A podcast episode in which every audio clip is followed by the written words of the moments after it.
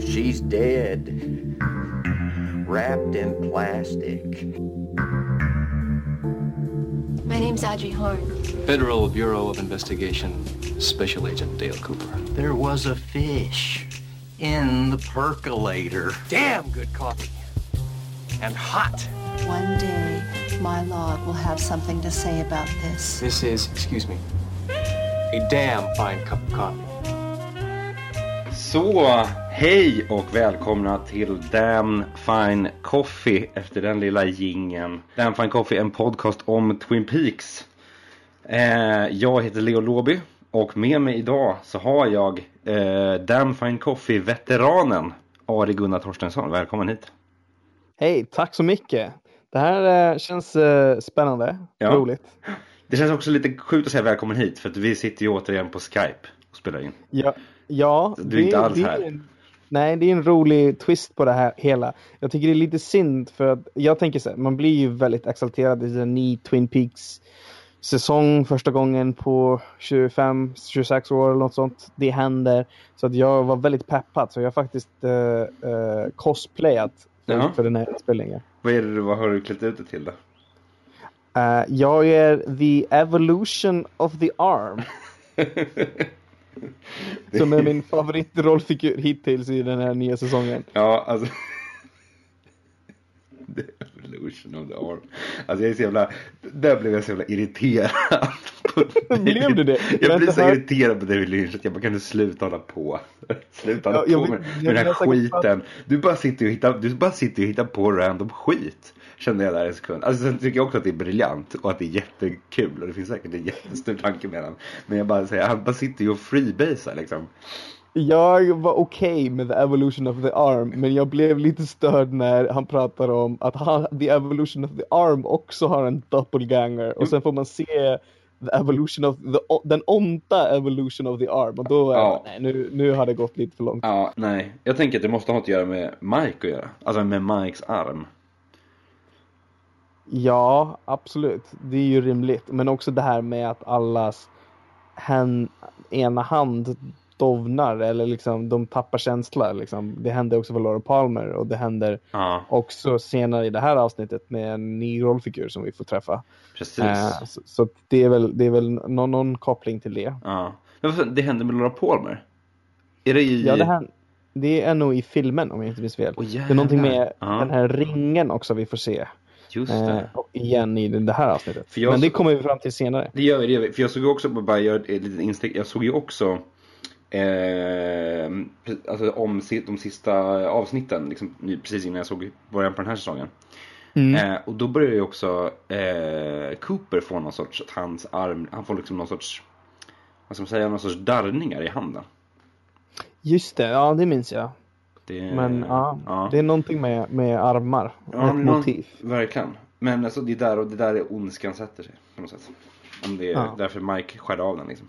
Men ja, vi, vi, går, vi, vi föregår oss liksom. Gud, det gör vi verkligen. Ja, men välkommen. Det är jättekul att, att prata med dig igen. Du var med i avsnitt tre och pratade om eh, Special Agent Dale Cooper. Mm. Eh, som är liksom en, beloved eh, rollfigur för många. Och så även för dig. Han Ja, har ju gått igenom en förändring kan man ju säga. Eller det är inte han egentligen vi ser, det är ju hans doppelganger.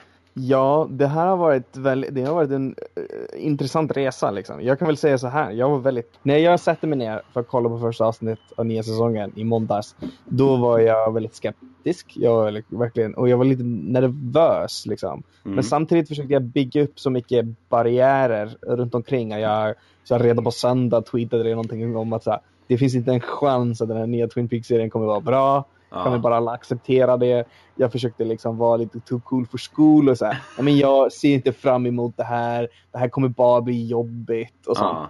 Ja. Eh, så att liksom, för jag, det som jag var rädd för var väl att liksom, egentligen att så här, David Lynch har inte varit superaktiv på film eller på tv eh, de senaste, så här, det är Mulholland Drive och Inland Empire och sen har han hållit på med sin meditation och liksom gjort skummusik och Ja, verkligen. målat tavlor som är av varierande kvalitet.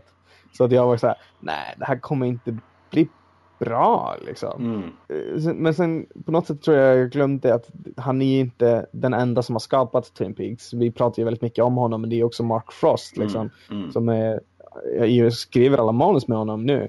Eh, och han har nog, tror jag, lite mer grundad vision än vad Lynch har. Som jag tror att gör att det finns fortfarande eh, någon form av narrativ eh, framgång med varje avsnitt, med varje scen. Liksom. Det blir inte bara flum för flummens sak.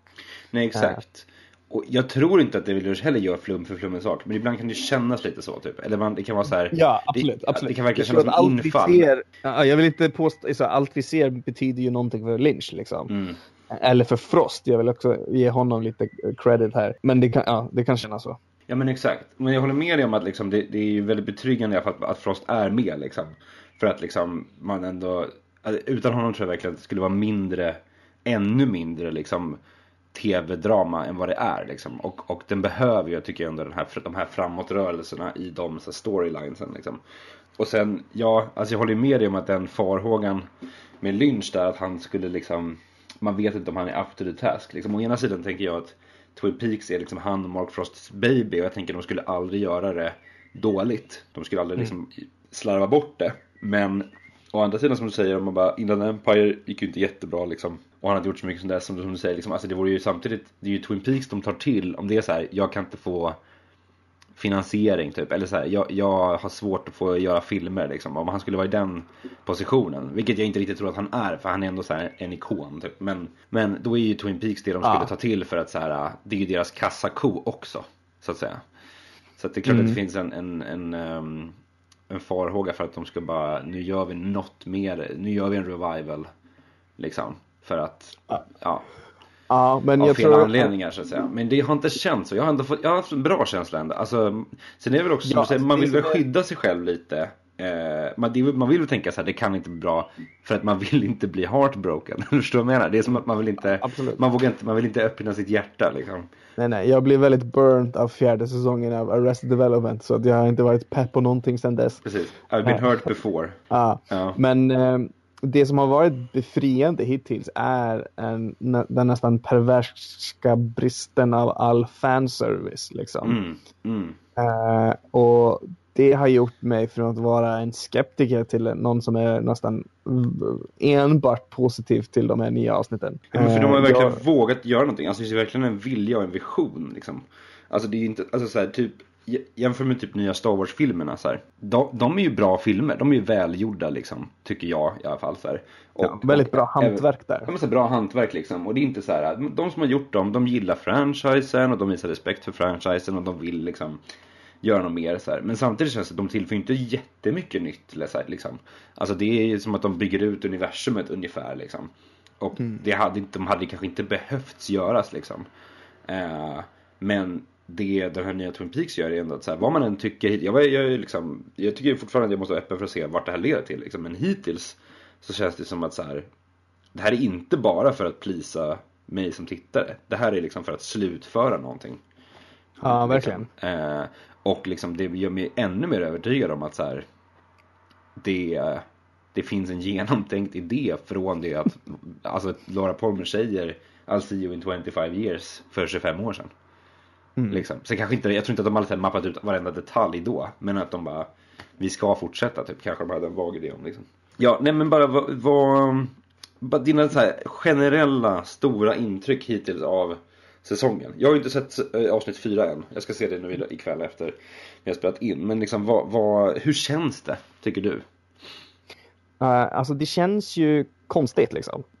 det, Och inte konstigt på det här klassiska David Lynch-sättet utan det är konstigt också bara eh, jag kan tycka en del av alltså, estetiken är lite konstig. Mm. Eh, så, grejen är, det som var så intressant med eh, originalserien är ju att den tar någon form av så här estetiken och, och mycket av manusberättandet direkt från såpor. Så att liksom allt det här såpaktiga har ju försvunnit från den här versionen av Twin Peaks. Ja, liksom. det, det sa vi Eh. precis i, i första avsnittet också. Eh, Det var det första Ja. vi reagerade på verkligen. Det är ju det är ju den stora, stora skillnaden liksom.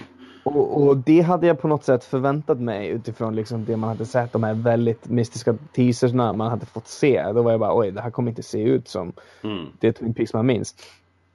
Eh, men när jag, när jag börjar vänja mig vid det, då börjar jag tycka att alltså, den ser väldigt spännande ut. Liksom. Framförallt det här avsnittet som vi kommer att prata om, mycket så här häftiga visuella idéer som kommer fram. Eh, och, ja, så att jag har varit väldigt positivt inställd till det. Det som har gjort mig lite ledsen är faktiskt, det är nästan på den nivån att jag önskade att det inte vore en Twin Peaks-serie. Mm. Eh, för att jag blir, li, blir lite deprimerad när jag ser liksom, alla de här gamla godingarna. Nu är de jättegamla. Framförallt blev jag väldigt liksom, ledsen att se eh, The Log Lady och det finns ju uppenbara skäl till det. Hon, är ju, var ju, hon, är ju, hon är ju gått bort nu och, Mm. och såg inte så hälsosam ut. Nej, hon var ju, dö, alltså, hon var ju väl i princip döende när de här scenerna spelades in liksom. Ja, och det är ju vackert på ett sätt att de fick liksom spela in det med henne. Mm. Men det känns också lite jobbigt. Det känns lite som i Lost Highway när Lynch castar Richard Pryor som, han, som äger garaget. Och Just Richard det. Pryor hade då varit så väldigt sjuk väldigt länge. Och han känns, det känns lite, nästan lite manipulerande eller liksom Mm. att Mm. ja, det känns lite fel helt enkelt. Ja, men precis, för vem är det som tjänar på att liksom hon medverkar? Det är ju Lynch liksom, eller det är ju verket, jag ska säga. Alltså, Ja, men, men- hon men- kanske hade mått, mått bäst av att bara få liksom ha, tillbringa sista tiden så mycket som möjligt med sina nära och kära. Jag, jag, det, alltså hon kanske älskade att vara med, det vet man ju inte liksom. Det här är ju liksom hennes det, det, det, men jag tror, roll jag, också liksom. Exakt, och jag tror nog att hon gjorde det här av ren kärlek och jag tror det är mer bara att jag mår dåligt av att se det här för att det påminner mig om det faktumet att jag någon dag kommer dö. Ja. Så att liksom, det är väl lite så jag känner. Och samma med i det här avsnittet får vi se eh, Miguel Ferrer Mm, eh, igen. mm. Han har också gått bort. Ja, han gick Och bort sånt- eh, väldigt nyligen. Bara- ja. Ja. Efter, men det Så var ju det- efter hela inspelningen va, tror jag. Ja, så, så det, det är lite så här. ah, Ja, jag önskar nästan att det inte hade varit så mycket Twin Peaks i det här. Men samtidigt, eh, jag vill inte spoila, men i nästa avsnitt kommer en scen som jag började gråta över för att jag, den, den kopplades så fint till originalserien. Så att jag, Okej, ja, det måste ja, jag så se. det, så det, det, jag har blandade känslor till just Ja, det. jag tycker så fort, så fort liksom originalserien kommer med och jag pratade i förra avsnittet om den här slutscenen från avsnitt två liksom där James och Shelley var med. Alltså den tyckte jag var så fruktansvärt fin. Alltså jag blev helt, man blir så berörd liksom. Det, det händer ju ingenting speciellt i den scenen men bara att de två ser varandra. Och vi får se dem liksom. Och all den här tiden som har förflutit liksom. Och har förflutit på riktigt liksom. Det, det blir så verkligt på något sätt liksom. Och typ såhär Shelley är ungefär lika gammal. Hon är ju typ lika gammal som min mamma. Alltså min mamma var typ 18-19 när första Twin Peaks kom. För 27 år sedan. Och jag är 27 år nu. Ja, så det är liksom, det är bara så här livet som sker. Och att så här, som du säger med Log Lady, liksom att det är även i Twin Peaks liksom där allting är så förhöjt och konstigt och märkligt så blir det att det visar liksom att även där så så åldras folk och folk dör och liksom Alltså alla är bara vanliga människor liksom Men att det, det är så ovanligt också att se det på film Alltså det är väl typ såhär Boyhood har väl gjort det till exempel Before Sunrise och Sunset och de filmerna så som Richard Linklater har gjort. Just Så det, det, är, Just det är någonting som han är intresserad av. Just det Eh, sen finns ju den här dokumentärserien Seven Up där varje sju, det började på 60-talet med, eh, gjorde en dokumentärserie om så här sju sjuåringar Mm. som var liksom från olika samhällsklasser. Sen gjorde de en uppföljare när de var 14, sen när de Ah. var 21 år och sen när de var 28. Just det, Sen, när- alltså, de har gjort det varje, jag tror den senaste var 49 Up. just det. det känns ju mer vanligt i dokumentärer att man har gjort så liksom Alltså just det här följa folk liksom Alltså typ svenska, Mm. de kallar oss mods, alltså mods-trilogin är ju lite samma grej också Kent och Stoffe liksom Ja, absolut. Det är, Absolut. Mm.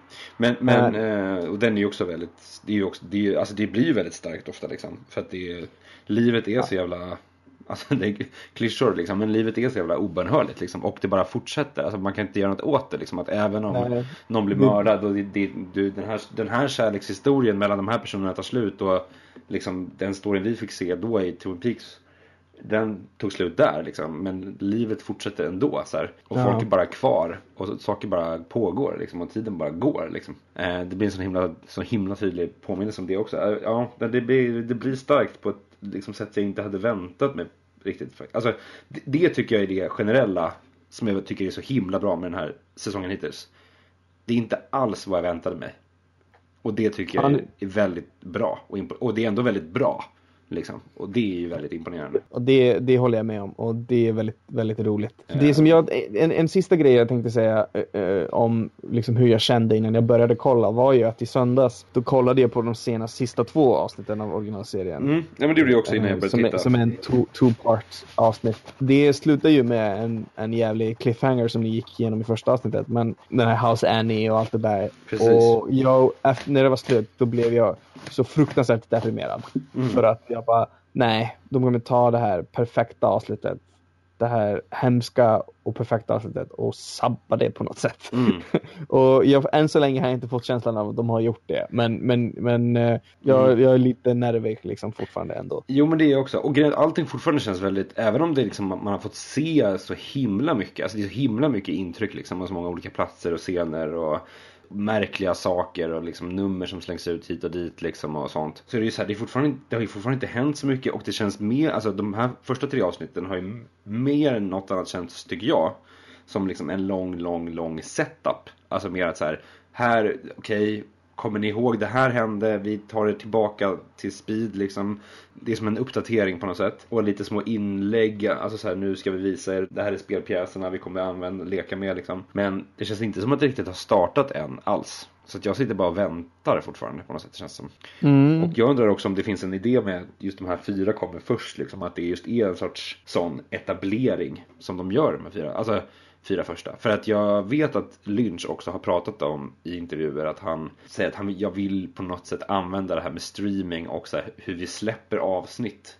Att man kan leka med hur man vill släppa avsnitt. Jag vill göra det på ett spännande sätt. Så här. Jag vet, vet inte hur mycket jag köper det för han har också sagt att liksom hela säsongen är en, en enda lång film och det var lite på måfå hur de klippte ihop det och sånt. Så att det, Ja, ja. Jag, jag vet inte hur mycket jag köper det argumentet liksom. Ja, Men precis. Det, det är alltid det här eh, hur mycket måfå och hur mycket liksom, geni genomtänkt. Liksom. Jag kan tänka mig att idén med att släppa de här fyra avsnitten på en gång är lite grann att ge, om man bara hade fått liksom, första timmen och sen Mm. behövt vänta en vecka, då tror jag det hade varit en oerhört frustrerande Mm, upplevelse. För verkligen. att man fattar ju inget efter första timmen. Och jag tycker de är, alltså du har inte sett det sista, äh, fjärde avsnittet, men eh, jag tror ändå att liksom man börjar få lite, man får sakta men säkert med varje avsnitt en lite mer samlad bild av vad, hur den här nya Twin Peaks kommer se ut Mm. och vad man kan förvänta sig från avsnitt.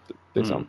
Nej men precis, och, han, och det, precis, även om det ställs jättemycket frågor så, så ger de ju ändå lite svar liksom. Jag tycker att för varje avsnitt jag ser så får man ändå lite mer svar liksom. Så det känns ändå som att det finns liksom någon sorts regler som de spelar efter, eller någon sorts logik i alla fall som man använder liksom. Så det, är Mm. det är ju helt klart mer svår penetrerat än en original Twin Peaks liksom eh, hittills. Men, men eh, det börjar liksom bli lite enklare känns som över, efter, över tid liksom. Jag kan väl säga fjärde avsnittet är i alla fall det som jag tyckte var mest underhållande och roligast hittills. Mm, mm. Eh, och ja, så att eh, ja. Jag, får, jag, jag ska gå tillbaka till. Men jag tycker bara, bara den grejen att så här, eh, vi pratade i avsnitt 1 och 2, då var det nästan bara sådana här mörka Liksom väldigt mörka scener, väldigt liksom obehagliga scener och också liksom eh, helt andra Alltså det är också märkligt att se att, eh, så många andra platser än Twin Peaks i Twin Peaks. Alltså jag tänker att det är som att man tittar på en annan Lynch-film hela tiden. Alltså typ att man tittar Ja. på typ Mulholland Drive eller Lost Highway liksom. För där är man van vid det här mörka och de här mycket mer så här sterila miljöerna i typ så här desert towns liksom. Som är inte alls det Twin Peaks är liksom. Ehm, Twin Peaks är ju så mycket platsen liksom. Också Twin Peaks. Så att, och att, att liksom sen helt, alltså det är som att jag alltid blir lite chockad när jag kommer tillbaka till Twin Peaks och bara just det, alltså den här Twin Peaks existerar i samma värld som de här andra platserna som är bara så här den här vanliga, mörka, smutsiga världen typ. För att de känns så separerade. Det är lite det jag menade med liksom att jag nästan önskade det inte vore en Twin Peaks-serie. Liksom, Mm. för det, man blir lite så här, jaha just det, varje gång man klipper till liksom, the sheriff's department och man bara, ja ja, klart det ska vara med. Men exakt, och det är, man fick ju lite den känslan kanske i typ så här Firewalk with me också. Att så här, när de är uppe i Kanada på den här baren, att man bara, det finns ju den här, alltså mycket äckligare sidan av liksom Mm. samhället också som bara inte syns liksom eh, dagtid i Twin Peaks om man ska säga. Nej, det, jag, jag vet inte riktigt vad man ska säga om det men, men ja. Jo, nej men det, det var bara en slutgrej. Det liksom, eh, bara det att man i det här avsnittet ändå får några scener som är så här alltså lite humor. Det var, det här var första avsnittet där det var liksom några, lite av den här klassiska humor, alltså klassiskt Twin Peaks-mys liksom. Typ Ja. när de är på eh, FBI-högkvarteret. Och, och Ja. eh, Albert får vara lite sassy. Och han är visserligen så här gammal och trött, men han är ändå lite sassy liksom. Ja, Ehm. och det, det blir nog mer så i nästa avsnitt kan jag säga. Och, men också liksom, jo, när de går igenom något fall och man får se, these are the clues. Och det är Ja, så här bilder av några snygga brudar, en pistol, någon jätteweird bild av ett barn, en tång. Och man bara såhär, ja ja, okej. Ja precis. Ja, men det är det här mer liksom bara, alltså det här, alltså vad ska man säga, Dale Cooper kon, konstigheten som inte är den här obehagliga konstigheten utan bara så här Ja, quir- quirkinessen Mm. är ju tillbaka lite där. Eh, en kort kort stund liksom. Eh, och det var väldigt skönt att få liksom lite av det. Så här. Och även bara den här lilla scenen, ja, som vi ska komma till på kasinot också. Som visserligen är väldigt märklig fortfarande. Men där ändå är lite humor med liksom. Det, det tyckte jag kändes befriande efter de här två första avsnitten som har varit väldigt liksom långa Ja, väldigt tunga. mörka. Ja. Ja. Så, Men sk- ska vi börja bara snacka igenom avsnittet? ja, det tycker jag verkligen.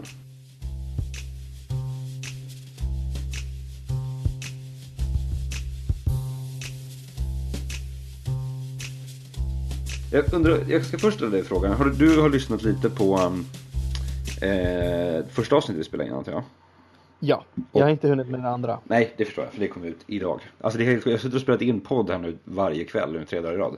Så det är väl ändå att ni lyssnare ska liksom eh, notera här hur, hur dedikerad jag nu är efter lång tids frånvaro. Ehm, nej men var det någonting som du reagerade på som, som du tänkte på som vi inte tog upp liksom? Så där, I och med att vi såg ju det väldigt, alltså vi spelade in det där avsnittet väldigt, mycket i affekt och det är massa saker jag har tänkt på i efterhand och sådär liksom som jag Eh, nu har ju, ni har redan pratat jättemycket om eh, säsongen generellt hittills. Så att vi kanske har nämnt Ja. det mesta av det. som inte är så mycket med i den här, det här avsnittet som jag ändå tycker är roligt eller spännande är ju hela det här fallet med eh, den här skol... Han är inte lärare utan Han är rektor. rektorn. Mm. Och, och hela det mordet tycker jag är väldigt spännande. Ja, Eh, verkligen. Och jag har också varit väldigt så här, tycker Matthew Lillard som är en sån skådespelare som han eh, var ändå bra på 90-talet, eller liksom, men var castad alltid som Mm. typ, eh, ungefär samma person. Liksom. Verkligen. Han lite galna kompisen. Liksom. Exakt. Eh, att han får en roll här som jag tycker så att channelar det väldigt bra. För i första avsnittet då är det verkligen bara oj, det här är en det är någon sjuk grej, han har inte gjort det här. Och sen i andra avsnittet börjar man få förstå att han kanske har någonting att göra med det här. Och, och hans väldigt märkliga relation med sin fru tyckte jag också Mm. var spännande. Verkligen. Eh, och hennes och- relation med Cooper liksom. Ja, absolut. Eller och, onda Cooper då alltså. Nej, så jag, jag tyckte det var väldigt spännande och jag hoppas vi eh, får se mer av det. Eh, så det har jag tyckt var väldigt bra. Jag tyckte att den scenen i andra avsnittet när Cooper får se Laura Palmer igen i The Black Lodge, eller Mm. Röda rummet eller vad man ska Mm. kalla det för. Eh, den tyckte jag var väldigt rörande och väldigt fin. Mm. Eh, och men sen är ju det här med det här glasbur, alltså den här glassbox-grejen i New York Mm och det mordet som händer där. Och den här tidsloopen som händer när Cooper kommer tillbaka och allt det där. Det är ju så märkligt att man vet inte ens var man ska börja. Jag håller med om att det här mordet är ju väldigt fascinerande och liksom jag hoppas verkligen att det där ska bli någon sorts startskott liksom och att det kanske blir liksom ett, ett nytt case som sätter igång någonting liksom. För det är så, det är ett så um, också liksom elaborate mord också med det här huvudet som är separerat från kroppen och sådär liksom för att de ska bara släppa det tänks det känns som. Ehm, och jag noterade också att det är ju en FBI-agent med där och det är hon, eh, den här skådisen som spelar en av huvudrollerna i Todd Solons Happiness. Hon spelar Just den det, här Jane Adams. Ja, hon är jättebra ju. Eh, väldigt bra i den filmen också. Liksom. Där spelar hon ju väldigt hunsad och här är hon väldigt så här, kompetent och skärpt liksom. Så det var också kul att Ja, se henne i en blev- sån roll. Exakt, jag blev superglad att se henne. För att liksom, både är en skådespelerska man inte sett väldigt mycket av de senaste tio åren eller så. Mm. Jag tror att de var med i HBO-serien Hung. Men som jag kollade aldrig på. Men, eh, men ja, Är det men han som också handlar om en, liksom, en manlig prostituerad? Typ?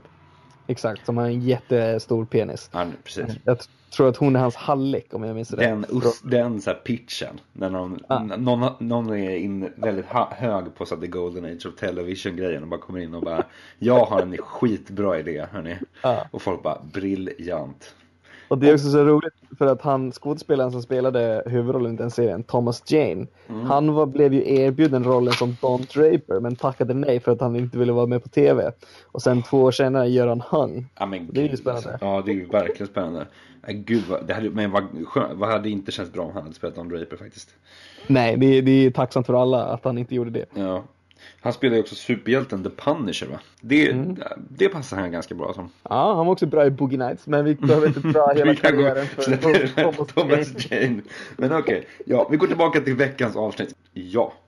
Men vi börjar ju med den här, det här är liksom egentligen den grejen som jag mest fast Jag såg det här avsnittet första gången jag liksom låg och halvsov. Och då såg jag den här första biten och bara så somnade och vaknade upp och bara, det- alltså det, här var, det var så surrealistiskt.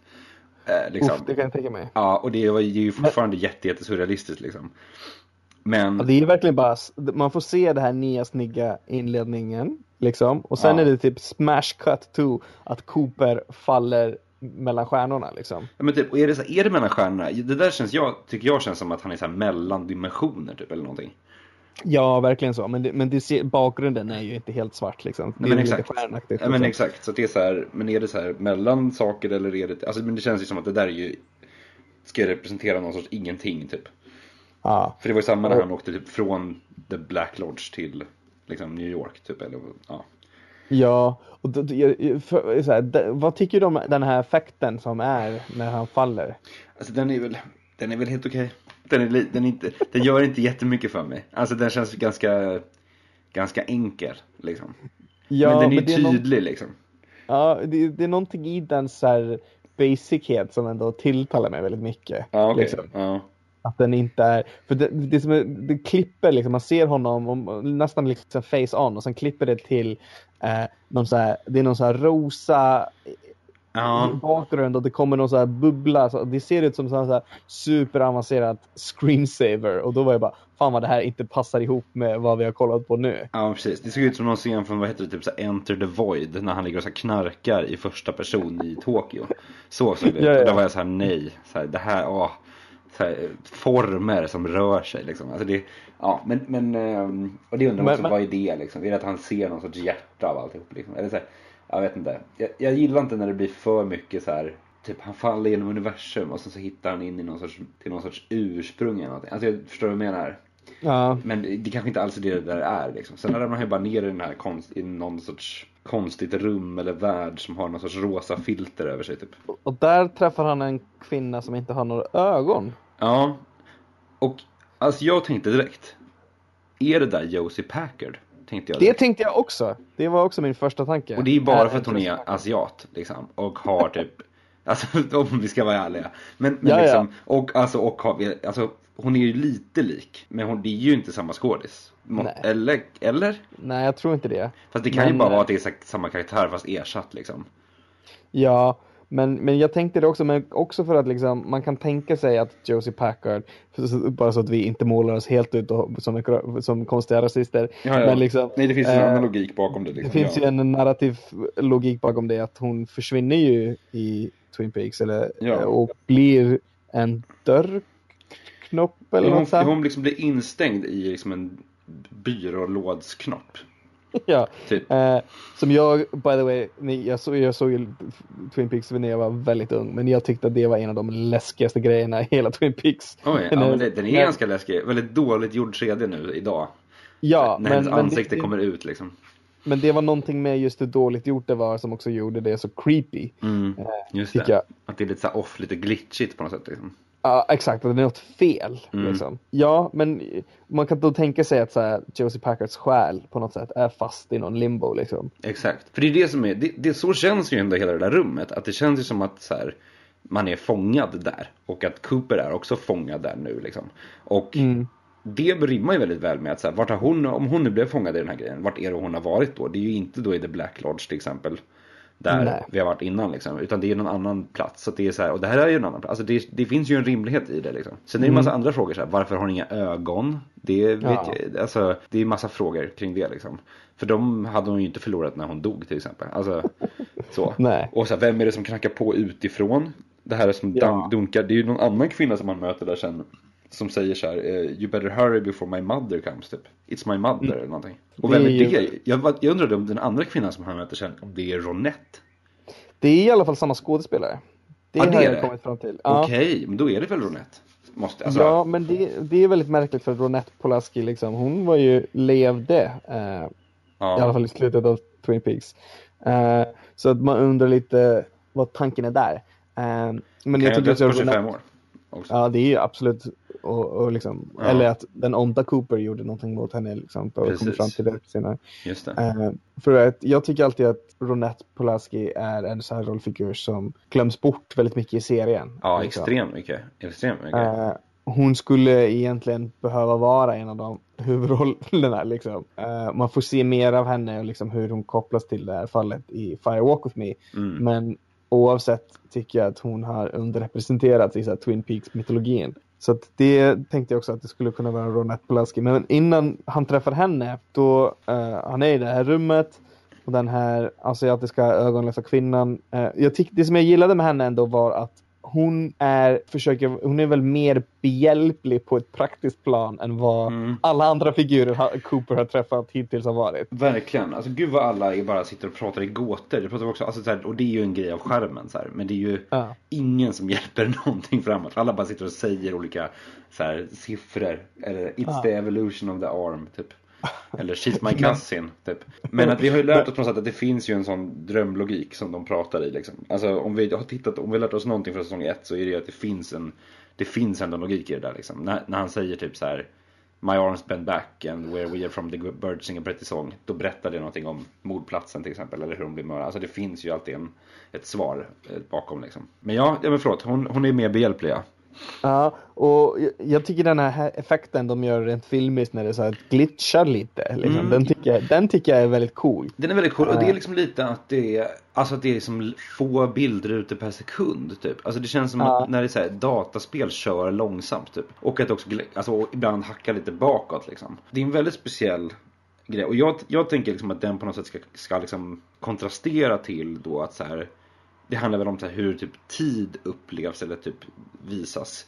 Alltså Mm. i The Black Lodge så pratar ju alla och gör allting baklänges. Fast det är Alltså framlänges fast det är baklänges liksom. Ja. Och att här är det mer att det är någon sorts hack och att det är så här, alltså det är ju som att det är en sorts tröghet och det skulle kunna vara att det är om det då är som ett sorts fängelse eller någon sorts fångenskap liksom. Att saker är liksom mer orörliga där man är nu. Eh, Men- och att i Black Lodge är det mer att så här, i och med att det ska vara en sorts mörk spegelbild så märker det sen att alla pratar baklänges fast inte Ja. Det, en sak jag tänker på nu är ju liksom att det första Cooper landar på är ju det där glasburet som vi har sett i avsnittet innan. Det hände ju i slutet av andra avsnittet. Ja, Så att jag undrar om är det något liksom är han på den här platsen på grund av att han hamnade först på den andra? Ja, det tycker jag också känns Alltså det är ju det, det är ju den logiska slutsatsen man vill dra liksom. Och att så här, den där glasburen känns ju som att den är till för att fånga honom. Ja. Alltså är det är liksom magkänslan. Alltså han hamnar ju inte där av en slump liksom. Alltså det är Nej. ju han som den här killen som dör har suttit och, och varit på utkik efter. Alltså det är ju så. Eh, sen vet man ju inte den här, alltså han kom ju dit innan den här andra saken kommer efter och dödar dem liksom. Vad nu Mm. det är för sak liksom. ja, gud ja. Men det var bara någonting, en spaning jag tänkte på. Ja, förlåt, för jag tycker det är väldigt, väldigt intressant. Alltså bara, och li- lite kvar i det liksom. Att vem är det då som har byggt den här lådan liksom? Och att för att onda Cooper säger ju så här. Jag har ett sätt som jag ska hindra, som jag ska se till att jag inte hamnar i The Black Lodge på. Så jag tänker att det är så onda Cooper som har gjort det här. Du kanske vet mer än mig för du har sett avsnitt fyra typ. Ja, men jag, jag tänker mer att Dougie som vi får träffa senare, att det är nog det han har gjort för att inte bli, hamna i The Black Lodge. Just det ja. Någon sorts, Äh. att de ska ta honom istället ja. Ja, Men eh, vi kanske kommer mer fram till det. Vi kommer till mer till det senare. Ja, men det är väldigt spännande alltså, var, var, precis, att Cooper hamnar där och han blir på något sätt då fångad liksom. Och varför. Alltså vem är det som vill fånga honom och varför då? Ja. Och varför hamnar, och då hamnar han då på den här platsen liksom. Och, det, om, och också om det inte är Josie då som är i det här rummet. Vem fan är den kvinnan då liksom? Ja, Ja, men, men jag tyckte också att liksom, även, bara, bara kanske för att hon var den enda som har varit behjälplig än så länge, då, då tyckte jag att det var lite tragiskt när hon ramlar bort där från Ja. eh, liksom, hon hjälper, hon leder honom på- upp liksom. exakt. Eh, på, på så här taket på det här buret. Och hon gör någonting. Hon drar ner en spak liksom. Ja, En stor spak. Och då, och då börjar saker flyta som vanligt liksom. Och det tänker jag är, det kanske då är att så här, hon öppnar en väg. Alltså han, för sen kommer han ju de facto ut liksom. Blir Mm. utsugen genom någon sorts brevlådeinkast. Liksom. Alltså allting är bara massa, ah. Det är så här, det är så himla mycket liksom. Så här, det är ju häftigt visuellt liksom, men man vill ju försöka make a sense. Att så här, varför flyger hon drar ner den här spaken? Var- Varför flyger hon iväg då? Så här, ja, är det för att hon har brutit mot någon regel? Är det någon så kraft då som slungar ut henne? Och var hamnar hon? Är hon bara... Har hon äntligen då fått så här ro kanske? Alltså kommit ur det här fängelset liksom? ja. Eller ja, det är jättemycket Men, men, som är men, eh, svårpenetrerat alltså. Ja, verkligen. Men jag tyckte liksom, tyckte det. Men, men då när han är på taket, då ser han ett jättestort huvud som svev, svävar nerför. Och det är ju Major Briggs, va? Ja, det är det ju absolut. Som också är en skådespelare som har gått bort. Ja, Don de har Davis. fått använda äh, arkivmaterial på något sätt Mm. äh, för det. Men han säger ju Blue Rose. Mm. Och Och, det syftar ju på uh, I Fire Walk With Me, antar jag. eller Eh, hur? när i början av filmen när de ser en, en tjej som gör en dans och hon har en blå ros på sin kavaj. Och det syftar till någon, något form av, någon, någon form av FBI cases som kallas för Blue Rose cases. Just det, som liksom Gordon Cole har koll på. Typ. Ja, Som det är någon är- Precis, och, och de här, um, alltså det här som, som Major Briggs jobbar på, alltså hans topphemliga projekt liksom, som har eh, kontaktat rymden typ. Just det. Eh, det kallas ju för The Blue Book Project. Så det är ju någon så här koppling. Ja men exakt, och att det är han som säger det där liksom också. Ja, det är väldigt, det är väldigt spännande att man får se Major Briggs. Jag kommer inte ihåg, alltså Major Briggs överlever väl och lever väl i slut på, på, på Twin Peaks liksom. Han, han blir ju tillfångatagen av liksom Windom eh, Earl, Windom va? Earl men, men lyckas fly ju. Ja, exakt. Men jag tror inte man ser riktigt, man ser honom inte komma hem i säkerhet. Men visst. Jo, vi jo, jo, Hawk hittar honom i skogen. Ja, är det så? Okej, Ja, då minns jag fel. Visst. okej. Eh, men det är ju inte liksom att man ser vad han gör, alltså det är inte som att man får se en bild på honom när han bara lever Nej, happily nej. ever after liksom. Men det ser man ju inte på någon å andra sidan. Så att, ja, det är väldigt intressant att han är med där. Och vi har ju också fått reda på att onda Cooper har haft någon sorts möte med, med den Major Briggs. I, den här, I det här telefonsamtalet i förra avsnittet. Just det.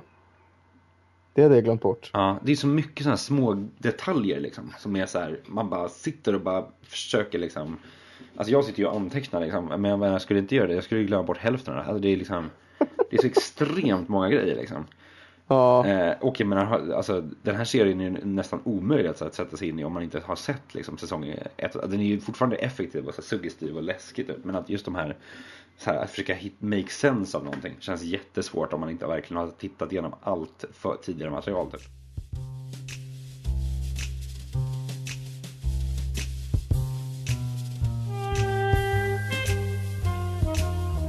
För att ta oss från det här jävla bur, det jävla rummet. Eh, då kommer Cooper, han går ner igen, då träffar han den andra kvinnan som vi gissar är Ronette Polaski. Va? Mm, mm. Hon, hon säger det här med att, det, att du måste skynda dig för att min mamma är på väg. Precis. Och vems Och- mamma, det är också jättekonstigt liksom. Ja, Det är, hennes mamma är ju med. Eller det är, inte, Ja. är, det ens hennes, är det ens hon? Typ, representerar hon någon annan typ? Ja. Eh, representerar hon liksom, fan vet jag, Laura Palmer, Donna Hayward? Liksom. Jag har ingen ju- aning. det, det är lite förvirrande för jag vet inte om du, jag vet inte om du pratade om det i förra avsnittet, men på den här scenen, baren, där James kommer in. Mm. Då ser man ju att bartendern är ju samma skådespelare som spelade Jacques Renault. Ja, Och han är ju faktiskt död. Det pratade vi om. Alltså den Ja, karaktären och- är ju död liksom. Ja, och att liksom han kanske bara gillar att använda de här skådisarna som han, han jobbade med för 20 25 år sedan liksom. Jo, nej men visst så kan det ju vara liksom. Och att bara Och vi ska vi fucka bara med deras huvuden liksom. allt. Ja men exakt, så kan det också vara bara att så här, det, det ska bara vara en kvinna. Liksom. Ja. Det är så här. Men, men eh, generellt så tycker jag, bara som en avslutande grej om den, hela den här lilla första drömdelen liksom. Så tycker jag, jag tycker att den påminner väldigt mycket visuellt om Eraserhead också. Mm. På något sätt. Alltså just det här liksom avtonade, liksom monokroma och att det är så himla så här drömskt och bara märkligt och bara visuellt. Typ. Och det är så här en bild på hav där ett tag som han tittar ut över så här. Och att han tittar in genom ett fönster och så här. Alltså det är väldigt sådär Jag vet inte, jag tycker att det här var en väldigt häftig scen liksom och så här. Alltså när man tittar tittar på det, man sitter ju bara liksom slagen av. Man bara, det här är ju liksom Det här är ju ändå en person med en vision som har gjort det här liksom. Det är, inte- det är inte bara en massa liksom random mumbo jumbo. Nej, verkligen inte. Och jag gillar den där scenen, liksom, Cooper går, det finns någon sån panel där på väggen Mm. med siffror. Hans huvud börjar så dras igenom det liksom. Ja, Och, och till slut dras han ju helt och hållet igenom det, men hans skor ramlar av. ja. Visste, ja, Och det är någonting att han åker ju ut då i den där det står 253, eller hur? Precis som, Ja, som de sa liksom. Och det kopplar ju sen till, då är vi ju, efter han åker ut där så ser vi ju att liksom onda Cooper är i sin bil.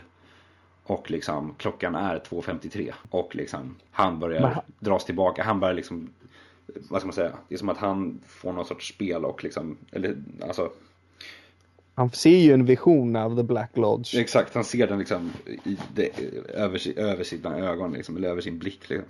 Och, Ja, men då, då börjar han spy. Precis, han, börjar, han försöker först hålla in det liksom. Ja. Och han så. Men, men han spyr vi- sina utsaker, börjar spy den här äckliga, äckliga, äckliga geggan alltså. ja, men den geggan ska väl vara Garmon Bosia va? Det var exakt det jag tänkte också. Det jag tänker att det är Garman Bosia. För att vi ser ju också parallellt med att den onda Cooper eh, får spel där i sin bil, så får vi, klipper vi till Dougie Jones va? Ja, vet du vem Dougie Jones är eller? Nej, jag bara tycker det är väldigt härligt liksom. Ja, men du vet Äh. att han heter Jones? Jag visste bara att han heter Dougie. Men jo, de pratar väl om, om honom som Dougie Jones. Aha. Eller Okej. det är kanske bara någonting jag får... Det kanske står i eftertexterna. Eller jag har lärt mig det i nästa avsnitt och jag Okej. spoilar där att hans efternamn är Jones. Nej, det är lugnt. Men- det är lugnt. Ja, men, Eh. okej, ja, men Dougie, ja precis. Som är liksom en lite mer trind variant av Cooper Ja, men- som går till horor. Ja, att han är någon så här riktig sleazeball liksom. Ja, Eh, alltså nu, så här- grejen är att jag ska säga i det här avsnittet får man faktiskt reda på extremt, extremt lite om honom. Man får reda på att han har legat med en hora Ja, eh, någonstans ute i typ eh, Las Vegas. Man får reda Ja. på att två dudes försöker döda honom för en annan dudes räkning. Det är ja. typ that's såna här it. Liksom. Riktiga 90-tals hitmen som är så här lite coola. Typ, Ja, eller exakt. Så. Verkligen. Det, och det är det enda liksom. Och att den här, Ja, ja, och han börjar ju också spy upp det här liksom. Men det, alltså man också är så här, när man ser honom, man bara, var fan kom du ifrån? Vem är du nu då liksom? Ja, men det, det som liksom gör, vi måste, alltså, vi måste på något sätt prata om det här med att den, hans, den prostituerade kvinnan vi ser är ju svart liksom. Mm. Och det, är ju, det känns ju så märkligt bara på grund av att det har varit så extremt få svarta människor i Twin Peaks Ja. överhuvudtaget. Ja, ja visst. Både filmen och originalserien. Mm. Och att det blir väldigt problematiskt att liksom Oj, nu, nu får vi in en svart person och det är en prostituerad kvinna som vi visar naken, så här, nästan full frontal Ja, i Ja, hela exakt. hennes speltid. Och det känns liksom, det har varit generellt lite, det har varit en del nakenhet och så här sex och lite så här, ja men så här objektifiering av kvinnor som jag tyckte var lite ofräsch genomgående i de här nya avsnitten. ja den är ju det. Alltså grejen är det är en sak med onda Cooper, typ när han är så här, äh, är våldsam mot Daria till exempel. Men det, Ja. på något sätt, det reagerar jag liksom inte negativt på för att han ska ju vara en jätteond karaktär liksom. Ja men jag Och tänker mest på han är så vidrig, då är det ju mer att så här, visa att så här, det här är det vidriga människor gör, de beter sig så här liksom. Men, men ja, alltså just det här med att hon är typ den första svarta karaktären man träffar, eller Mm. ser, alltså det är ju, eh, ja, jo, det är ju en grej jag också tänkte på liksom. Det är, är, Jag tror är inte att David vi Lynch två- lite, lite rasist? Ja, men vi, vi, jag tror kanske vi inte är de, de bästa representanterna att prata om det. Men nej, det är nej, ändå... men det är ändå en observation man ska ändå, som är värd att nämna. Liksom. Ja, Men vi kan, Men- men- kan bara nämna det, behöver inte gå in så mycket mer på det. Liksom. Nej exakt. Men, men Dougie Jones har ju den här ringen. Ja, det är också jävla sjukt liksom. Då börjar man fråga sig varifrån han har kommit. Och det är därför jag, tar den här slutsatsen att det är han är någonting som Onda Cooper har på något, på något sätt skapat liksom. Ja, för sen, Eh. sen han, han börjar ju då spy, Dougie Jones. Och även då eh, onda Cooper börjar också spy. Och de spyr ut samma så här, äckliga gegga som verkar lukta asäckligt liksom. Eh, och sen så hamnar ju då han i The Black Lodge liksom. Och där säger ju Mike så här, någon byggde dig typ för ett purpose. Ah. Och nu är det purposet slut. Och då tänker man ju så här, ja men det är, ja, det är rimligt att anta att så här, det är onda Cooper som har typ gjort någon sorts kopia. För att då den kopian ska vara den som dras tillbaka in i The Black Lodge. Och det kanske då har fungerat för att det, alltså den här Dougie åker ju in i The Black Lodge. Liksom. Att, och då undrar man ju då, vad händer med onda Cooper? För han spyr ändå också upp den här skiten. Och liksom är där i sin bil. Men han försvinner ju inte som, Nej, eh, som Dougie gör. Liksom. Utan kroppen Nej, är väl verkar- kvar va? han verkar, ja, han verkar stanna kvar där och att liksom, ja men polisen kommer så att de kommer ju fånga honom. Men liksom att, att han har lyckats med sitt uppdrag att inte hamna i The Black Lodge. Men att eh, ja, han kanske är lite, har inte samma krafter efter att allt den här Garmon Bolshan har, ramlat ur honom. Precis, och vi borde också, vi borde också reda ut det för folk som inte kanske alla har koll på det. Alltså vad, det här med Gorman Bosia. Det är ju inte helt, jag, jag vet inte om det nämns så mycket i tv-serien vad det är. Nej, Det är, mer något i att- Firewalk With Me va? Ja, det är något, något, eh, någon substans som är typ eh, pain, eh, någon form av representation av pain and suffering. va? Precis. Och det är ju det de här, de här onda spiritsarna, alltså typ Bob eh, och andra, de, de äter ju, de livnär sig ju på Garmin Bosia. Alltså då, de livnär sig på människors rädsla och lidande liksom. Det är ju därför, det är därför Bob mördar folk. Det är därför Bob har liksom våldtagit Laura Palmer i massa, massa år. För att det liksom, han är, han, han lever, det är hans näring, den här liksom de här negativa känslorna hos människor liksom. Och att då antar jag att liksom, de spyr upp de här sakerna, det är då all, all, allt lidande och all rädsla de har ätit. Liksom, under de, alla de här åren. Det är ju väldigt spännande också att det är liksom, är det spännande men det blir så här, jag vet inte, att det också luktar det så här superäckligt. Eh, Ja. liksom, och att de säger så här, there's something bad in, in this car. Och det är ju liksom någonting bad då, alltså Alltså inte bara att det luktar illa utan det, det är verkligen ondska bara där i. Så han, han, han spyr liksom upp ondska typ. Ja, Eh, det- är en vidrig scen faktiskt när han är, håller på och spyr. ja. Men, men ehm, det, jag minns liksom när jag, när jag satt, för jag kollade liksom på andra och tredje avsnittet lite direkt efter varandra och jag sa ja, äntligen har Cooper kommit ur, han är i vår värld, nu börjar saker hända och då då rycker liksom eh, Twin Peaks det, det man från mattan för att liksom klart, det, klart han inte är som den gamla goa Cooper liksom. Han, han, det är en helt annan han är ju han är som ett barn typ. ja, han är helt liksom borta liksom. Min- och, och bara vandrar runt och blir avsedd på det här kasinot. Väldigt kul att se honom på kasinot där liksom. När han bara går runt. Också, det är så konstigt också att han får så här, se den här lilla så här Black Lodge-loggan ovanför de här olika liksom, kasinomaskinerna. Alltså Ja. vad, är, vad är det också? Varför ska han gå runt och vinna massa pengar? Jag ser att han har fått någon sorts powers nu, är det det vi ska fatta? Typ? Att han är så här super... Alltså han har typ så här en övernaturlig sens för skit nu typ. Eller Ja, något. det, det, Jag men jag, det, det, det var lite töntigt. Men annars var det väldigt, det var väldigt härligt. Och även den här sura gumman, eller den här fattiga personen som sitter bredvid liksom och är jättegrinig. Så här, och pekar Ja, det tyckte jag var roligt Det var, det var väldigt kul. Det var så kul, man bara, nu är det lite humor för första gången på så här superlänge typ. Och att det är så här, ändå lite ro, även om det är så här man tycker det är jobbigt att Cooper inte är sig själv så är det ändå lite roliga interaktioner typ när han går in liksom i den här sväng roterande dörren så här. Alltså då, då känner jag så här, nu är det lite ändå så här humorlynch här igen liksom, vilket kändes jättehärligt liksom.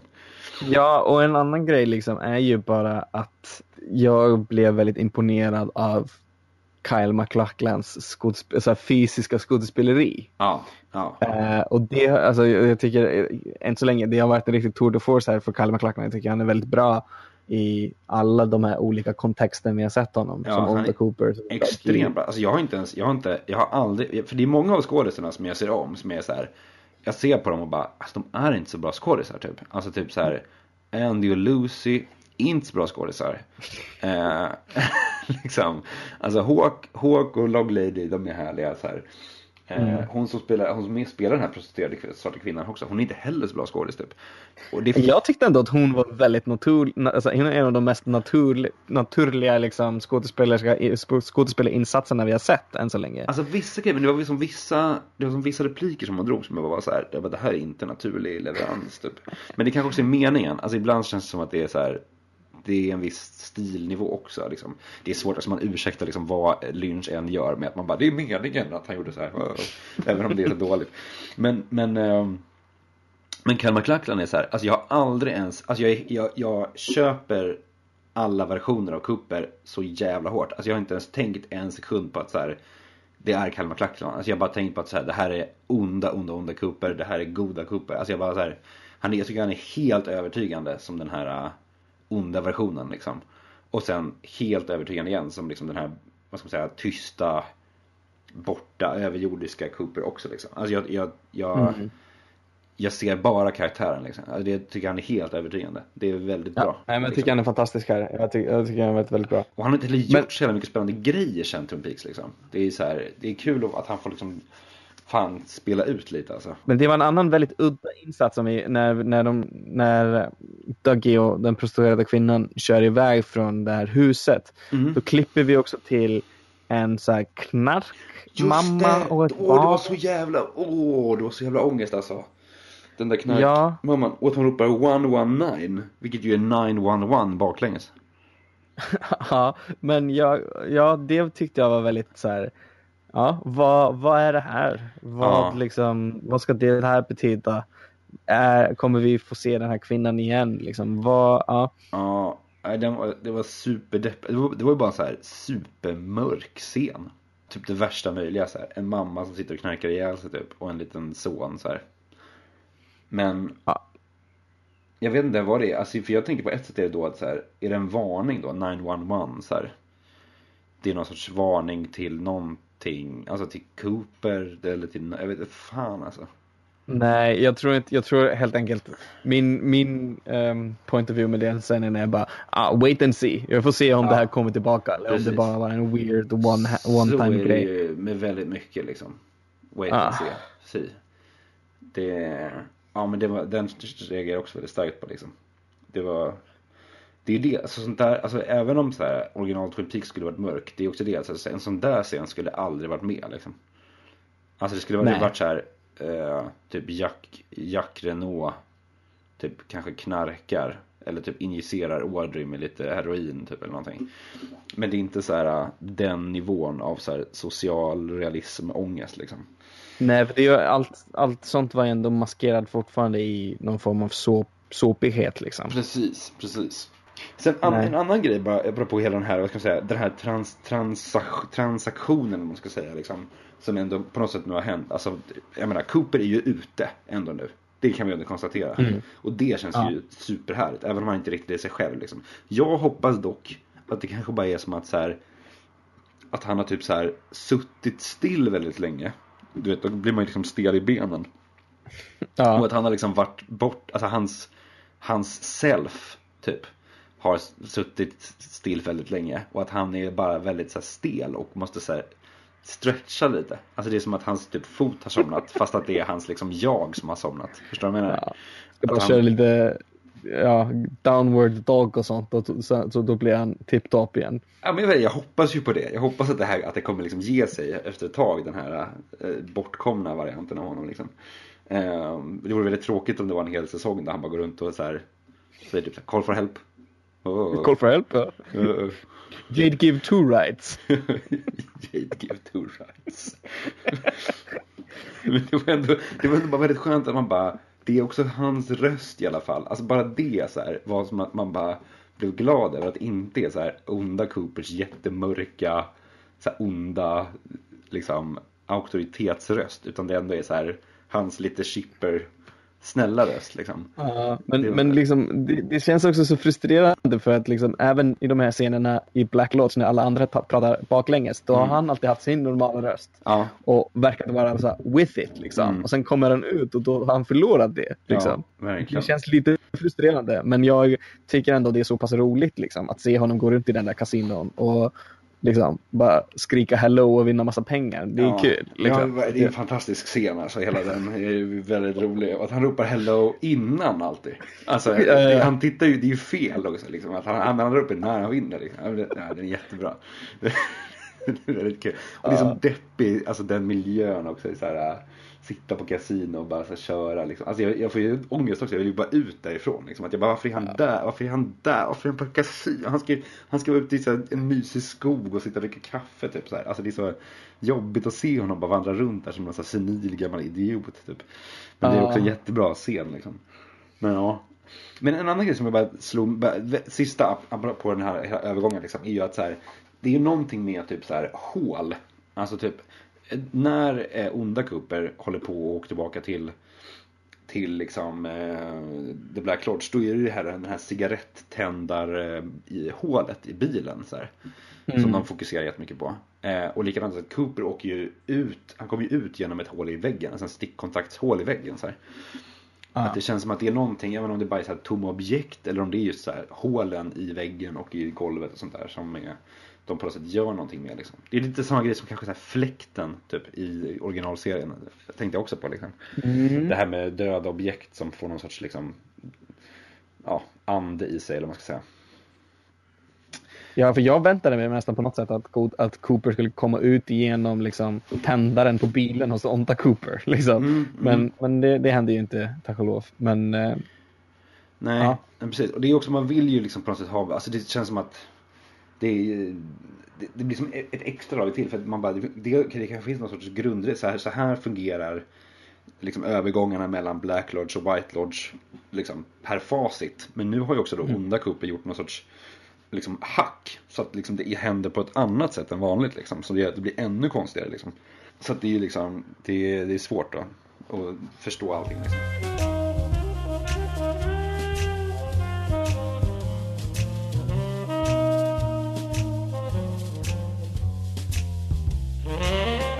Ja, men de sista två scenerna då, som ändå jag tyckte var väldigt så här. De, de lämnade ju ändå med en, med en bra känsla. Och det är ju då FBI's högkvarter i Philadelphia. Och vi får se Gordon Cole och alltså då David Lynch. Och också då Albert igen. ja, det tyckte jag också var... Alltså, vi pratade lite om den scenen tidigare, men jag tyckte den var rolig. Och det, var, det kändes skönt liksom, på något sätt att få den delen av Twin Peaks-världen involverad. Ja, verkligen. Någon som har lite koll, Ja. typ. Eh, och, och, och som sagt, det är lite deppigt att tänka med att, att Miguel Ferrer har gått bort och, och att Mm. David Lynch känns väldigt gammal nu för tiden. Mm. Men, men det är det, det är verkligen liksom, det, det, är, det är bra användning av så här familiar faces för att man, den scenen eh, än så länge som jag har tyckt var absolut sämst Mm. i det vi har sett. Den utspelar sig strax innan den scenen vi, ska, vi pratar om. Det är ju den här chokladkanin-scenen med Andy och Lucy och det. Ja, just det. Den var inte så stark. Alltså det, det var ju trevligt att se dem sitta och köta lite, men det var... Men det jag var liksom har- ingen bra scen.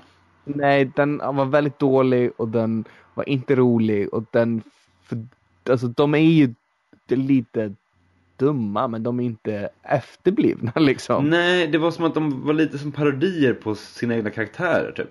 Ja, den var bara framförallt inte rolig liksom. Mm. För det finns i nästa avsnitt så här konstigare grejer som är i alla fall roliga på riktigt liksom. Ja, men grejen Så är också att de, de ska ju vara så här lovable och likable ändå, fastän de är... Och jag menar, Lucy kanske alltid varit lite speciell, men hon har ändå haft så en viss sass. Liksom. Och Andy har alltid varit som lite, känns lite, lite dum, men man har ändå alltid anat att han liksom är ganska smart, eh, så här beneath ett år liksom. Och jag tycker det är som att de inte riktigt ger karaktärerna rättvisa i den där scenen liksom. Och att också typ, vi får se så lite av dem. Så då känner jag så här, det vi får se kan vi då liksom, det vill jag ska vara meningsfullt och bra liksom. Alltså den scenen, det händer inte heller någonting i den scenen. Det enda de är att de, de lägger fram all information. Och Ja. då hade de kunnat till exempel kanske börjat så här recap eller någonting. Att så här, ja, vi lägger ut allting om Agent Cooper, all info om Agent Cooper. Alltså där finns det jättemycket information de kan prata om som vi skulle kunna få så här. Men istället så blir det bara det här om så här chocolate bunnies som inte är kul ens. Nej. Och, är, och inte heller leder någon. Alltså det, det enda den scenen gör är att okej, det handlar inte om den. Så att vi är tillbaka på ruta noll. Alltså det, ingenting har förändrats efter den scenen. Vilket gör att den känns lite meningslös. Liksom. Ja, verkligen. Men ehm, i den här FBI-scenen, Mm. då är det en uh, ny rollfigur som presenteras. En Ja. del, som heter Tammy Preston. Ja, och hon är väl en FBI special agent antar jag. Ja. Hon, har du läst den här Secret History of Twin Peaks-boken? Nej, jag har inte det. Och det är väl, ska vi säga, det är väl Mark Frosts vision. För att jag, jag Ja. har hört att till och med David Lynch har inte ens läst den boken. Nej, det är ju superrimligt att han inte gjorde Varför skulle han göra det? Ja, jag menar så, så jag menar, jag vill inte säga, det tycker jag inte talar emot mig. Så, men, men, nej, men jag, det har jag inte gjort. Men det, det, jag ska nog göra det, för det verkar också Ja. kul. Ja. Jag har inte läst den heller, så jag, det, ja, eh, jag ska inte liksom eh, Men är hon omnämnd där på något sätt eller? hon, har- hon är tydligen en av så här, huvudkaraktärerna i den. Okej, Liksom. okej. Eh, För hon, så hade, hon kändes ju väldigt intressant. Alltså hon, hade ju, hon gjorde inte så mycket men hon var ju liksom, hon hade ju en väldigt så här, direkt en så här karisma och en så här, driv i sin karaktär typ. Mm, och hon, hon skådespelerskan, för jag var så här, var bara, undrar vem det där är? Och, och då började jag googla det. Då är det en, en, en skådespelerska och sångerska som heter Krista Bell. Och hon har jobbat väldigt mycket med David Lynch. Okej. Ha, att han har skrivit låtar med henne. Och, Aha. så att, hon är väldigt aktiv inom transcendental meditation också. Ja, Så att, hon eh, är. hon är någon, det är lite som scientology fast liksom Ja, de har legat känns det som. Typ. 100 procent. Hon och Lynch liksom. typ, eh, han är, verk- hon är verkligen så hans typ av kvinna också. Alltså, så Ja, här, hon, hon är ju väldigt hon är ju väldigt lik eh, Laura Elena Herring som spelar i Mulholland Drive också. Ja, verkligen. Eh, så att, eh, jo, men det är den här scientolog, liksom precis som så här, man ser ju ofta så här, scientologer eh, andra scientologer i liksom filmer. Ja, Eh, då, då tror jag det är lite samma som händer här också. Säkert, säkert. Men apropå förresten människor som Lynch har legat med. Eh, vi, vi, eh, vi pratade i, i något tidigare avsnitt, tror jag att det var Johan som nämnde att eh, karaktären Josie Packard skulle från början inte vara en asiatisk karaktär utan en, eh, eh, en italiensk karaktär. Aha. Och typ heta så här Giannina Picciorina Packard. Okej. Typ. Och det skulle spelas av en här italiensk skådespelare, vad det enda vi sa då. Men jag läste nu idag att hon skulle spelas av ingen mindre än Isabella Rossellini. Mm. Alltså eh, Ingrid Bergmans dotter. Och även skådespelare in her own right som ju spelar Ja. Femme Fatale-karaktären i Blue Velvet liksom.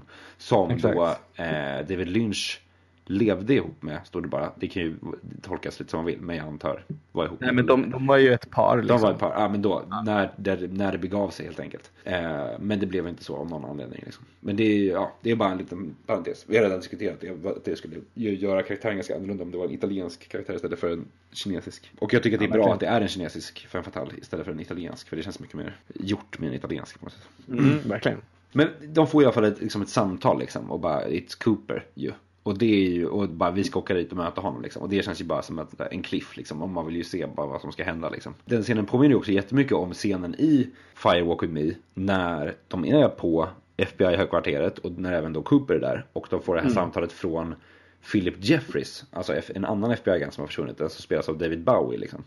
Och han kommer tillbaka. Alltså det finns ju sådana, alltså det är liksom hur många gånger som Gordon Cole har fått ett samtal från en så här försvunnen agent liksom. Eh, som har liksom bara försvunnit i någon jävla otherworldly grej. Och den här Chet också som är med. Alltså den, den här FBI-agenten som är den första som utreder Theresa Banks mord. Ja, Liksom. Chet, Chet? Desmond. Chet Desmond. Eh, han är ju egentligen den första som är liksom i kontakt med hela världen. Alltså hela typ Bob och alla de där grejerna. Liksom. Han är ju den första som utreder Theresa Banks liksom, mord. Mm. Och han försvinner ju också bara spårlöst, eller hur? Det är ju så, det är när han försvinner som Cooper blir inkopplad. Liksom. Just det, ja.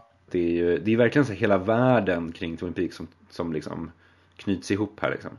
Eh, vi får nästan rekommendera folk, vi ska göra ett avsnitt, tycker jag, ett ordentligt avsnitt om hela Firewalk With Me. Eh, Mm. Med dig och kanske också Valentina. Men, men vi kan ju rekommendera folk att här, se, alltså det har ju Lynch själv sagt att så här, se den filmen för det är liksom en, en nyckel in till den här säsongen liksom. Det kan ju också vara ett sätt för David Lynch att få folk att se den här prequel-filmen som ingen vill se. Eh, Ja, alltså jag tycker oavsett att så här, Firewalk With Me är ett mästerverk och jag man den borde se den. jättebra. Eh, och så att jag, jag är helt med på att folk ska se den. Eh, Any way they can get them. Get Ja, it. nej men det, så det Men- bara jättespännande och att jag hoppas att den här agenten ändå Jag tyckte ändå hon kändes som en härlig karaktär liksom och jag tycker hon, det, jag hoppas man får se mer av henne liksom. Ja, det tror jag nog att vi kommer få göra. Men vad tycker du om det här med att alla avsnitt än så länge slutar med ett band som framför i, i klubben? Ja, alltså det är två avsnitt som har slutat som jag har sett i alla fall. Första avsnittet slutar ju på Ja, men första två var väl ett dubbelavsnitt va? Eller? Just det, just det. Fast, alltså de, fast det är konstigt också att det är med ett dubbelavsnitt för det är ändå så här, alla, alla säger att första två är ett dubbelavsnitt. Men det är ju ändå eftertexter efter första avsnittet. Ja, absolut. Men Ja, absolut, men- det, det kan, om, det, om det är de här två avsnitten, att de slutar med ett band. Alltså, jag har inget emot det, liksom. Det jag, jag tycker det funkar lika bra som att eh, det slutar med liksom en bild på Laura Palmer. Eller det är, en- det är en annan ton såklart. Det är ju något annat än att det är en bild på Laura Palmer. Eh, för det fokuseras mycket på hen, hennes mod liksom. Men ja, nej, jag tycker det är härligt. Det, men det, det också säger någonting om att så här, den här serien är ju så jävla utspel, alltså det är ju så mycket bara så här stämningar och känslor här. Alltså den stora typ narrativet hittills, som är som det bärande narrativet i de här avsnitten hittills, det är ju typ så här, vad ska hända med Cooper? Typ, var, var är Cooper? Kommer han komma ut? Hur kommer det gå för honom liksom? Det är det vi sitter och liksom följer. För det finns ju inget, alltså det, annars är det ju väldigt, väldigt utspritt liksom. Och det finns ju inget sånt här som är just, alltså Laura Palmer är ju en sån jävla stark drivkraft i originalserien. Alltså hennes mod liksom. Det är verkligen, driver ju serien hela tiden liksom. På ett bra sätt liksom. Ja, men Vad tycker jag, du om det med att de slutar på musik? Nej, men jag tycker det är superhärligt. Ja? För att liksom, om någon hade sagt till mig bara, Ari, liksom, alla avsnitt av den nya Twin Peaks-säsongen, eller alla, alla, än så länge i alla fall, slutar med att något så ganska hippt band kommer stå på en klubb och spela liksom, musik. Jag bara, fan vad töntigt, det låter astöntigt. Men det är någonting med att de har eh, verkligen valt ut musik som ändå passar in i miljön bra ja, verkligen. den, det här avsnittet avslutas med ett band som jag googlade faktiskt som heter Cactus Blossoms. Som är så här ganska så countryaktiga. eh, men så bra. Jag, vet inte, jag tyckte, tyckte det var härligt och tyckte bandet i avsnittet innan också var bra. Så jag, Ja. jag tycker, det, tycker det är coolt liksom. Jag tycker Men- bara att det förra avsnittet var jättebra. The Chromatics som Agnes uh, berättade att de hette. Just det. Det var, Mm. alltså den sångaren, eh, sångerskan var ju också så här, hon hade påminner ju väldigt mycket om liksom, eller hennes sång påminner väldigt mycket om Julie Cruises sång. Och Verkligen. liksom, jag tycker alltså, alltihop ekar ju tillbaka väldigt mycket till originalserien på ett sätt som är så här, både liksom blinkar åt den men ändå gör något nytt med det liksom. Den låten Mm. som hon sjunger, eh, den här We Are Shadow, eller Shadow eller vad den heter, som hon sjöng i förra avsnittet tycker jag var jätte, jättebra.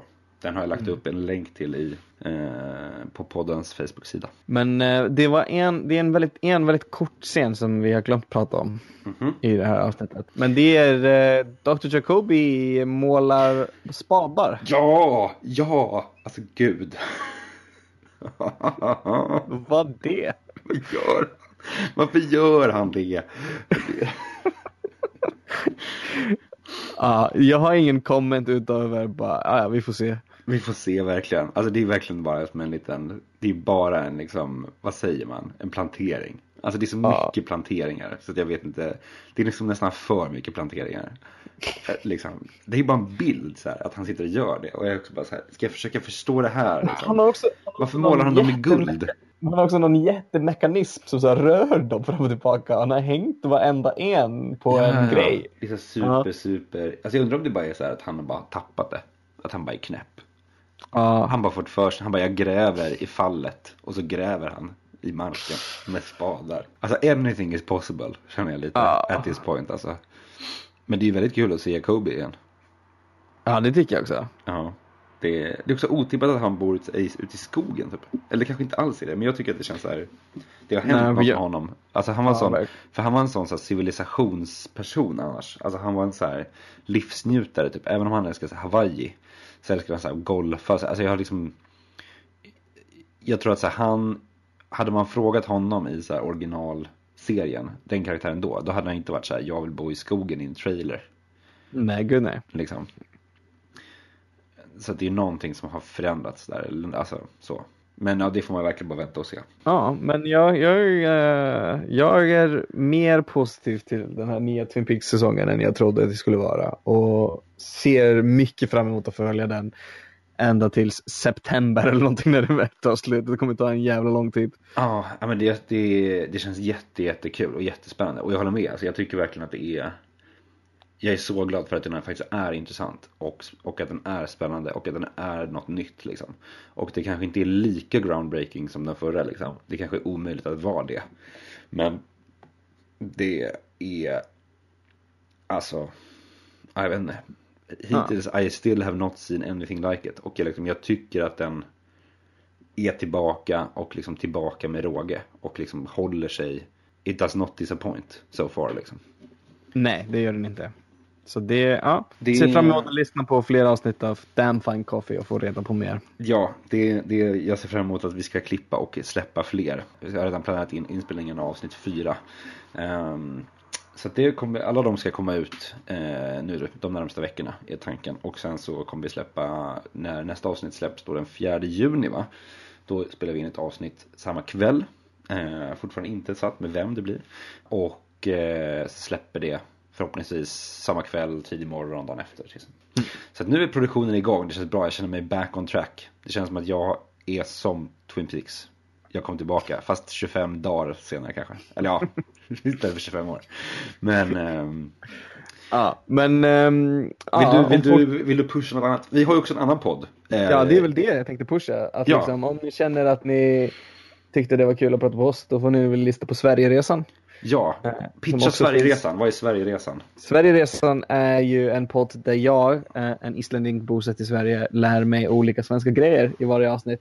Mm. Eh, och det finns inte så jättemånga avsnitt ute, men det är för att de tar tid att producera och är, ja, Ja, vi gör research. Vi Ja. jobbar med det. Det, det är lite tidskrävande. Men, men eh, det finns eh, fantastiska avsnitt om Hasse och Tage, om det svenska julbordet, Mm. eh, Torsk på Tallinn. Eh, snart kommer ett bra avsnitt om jägarna och så vidare. Ja. Och så vidare. Så mitt, att, mitt avsnitt är ju, mitt favoritavsnitt är om Olof Palme, tycker jag är väldigt bra. Ja, Eh, det är många trevligt. som, som tyckte det avsnittet var bra. Jag, jag var lite nervös när vi släppte det för att jag tyckte det var lite så här, vem är Ja. jag att prata om det? Men, det, är det, så, det är så, det är så, det är så bra ämne, för det är en sån här typisk grej som inte är, det är inte så här klyschigt. Alltså för det är ju mycket, man blir så här, okej vad är det? För det går ut på att så här, vad, vad vet inte du om som alla svenskar vet om? Så här, vad är typiskt, det blir lite så här, vad är typiskt svenskt? Så här. Och det är ju en falla, fälla man kan hamna i då som är så här, ja fika, Ikea, Pippi och det är jättetråkigt så här. Men Olof Palme är en sån typisk grej som alla svenskar eh, har, nästan alla svenskar i alla fall, eh, har en relation till honom på något sätt. Så här, mer, alltså även de som inte levde när han levde. Eh, till exempel jag själv. Eh, men är man liksom inte från Sverige så har man ju inte alls den relationen liksom. Och det är ju intressant snarare. Alltså att, eh, och att han är en så stor figur liksom, men bara här. Ja, det är någon sorts politikens Håkan Hellström. Nej, det var en hemsk liknelse. ja. Ja. Nej men eh, jag tycker det, det, är, det är en väldigt trevlig podd och den ska ni lyssna på. Om, ni- om ni uppskattar sånt här liksom kulturellt så här, som jag gör, alltså typ så här eh, typiskt, jag uppskattar det här, typiskt svenskt. Så här, så här gör vi här, hur gör ni i andra länder? Det tycker jag är härligt. Och även bara ett, ett bra kött och lite analys. Kan ni lyssna på den. Hasse och Tage-avsnittet tycker jag också var jättefint faktiskt. Det är väldigt bra. ja, det, det var bra. Ja, men eh, tack för ikväll. Eller? Ja, tack för ikväll. Jättetrevligt. Det här var Dan Fine Coffee. Jag heter Leo Roby. Du heter? Ja, det är Gunnar Torstensson. Yes. Eh, tack så mycket. Puss. Hej. Hej då.